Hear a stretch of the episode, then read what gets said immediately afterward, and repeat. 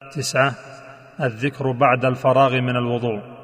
أشهد أن لا إله إلا الله وحده لا شريك له وأشهد أن محمدا عبده ورسوله.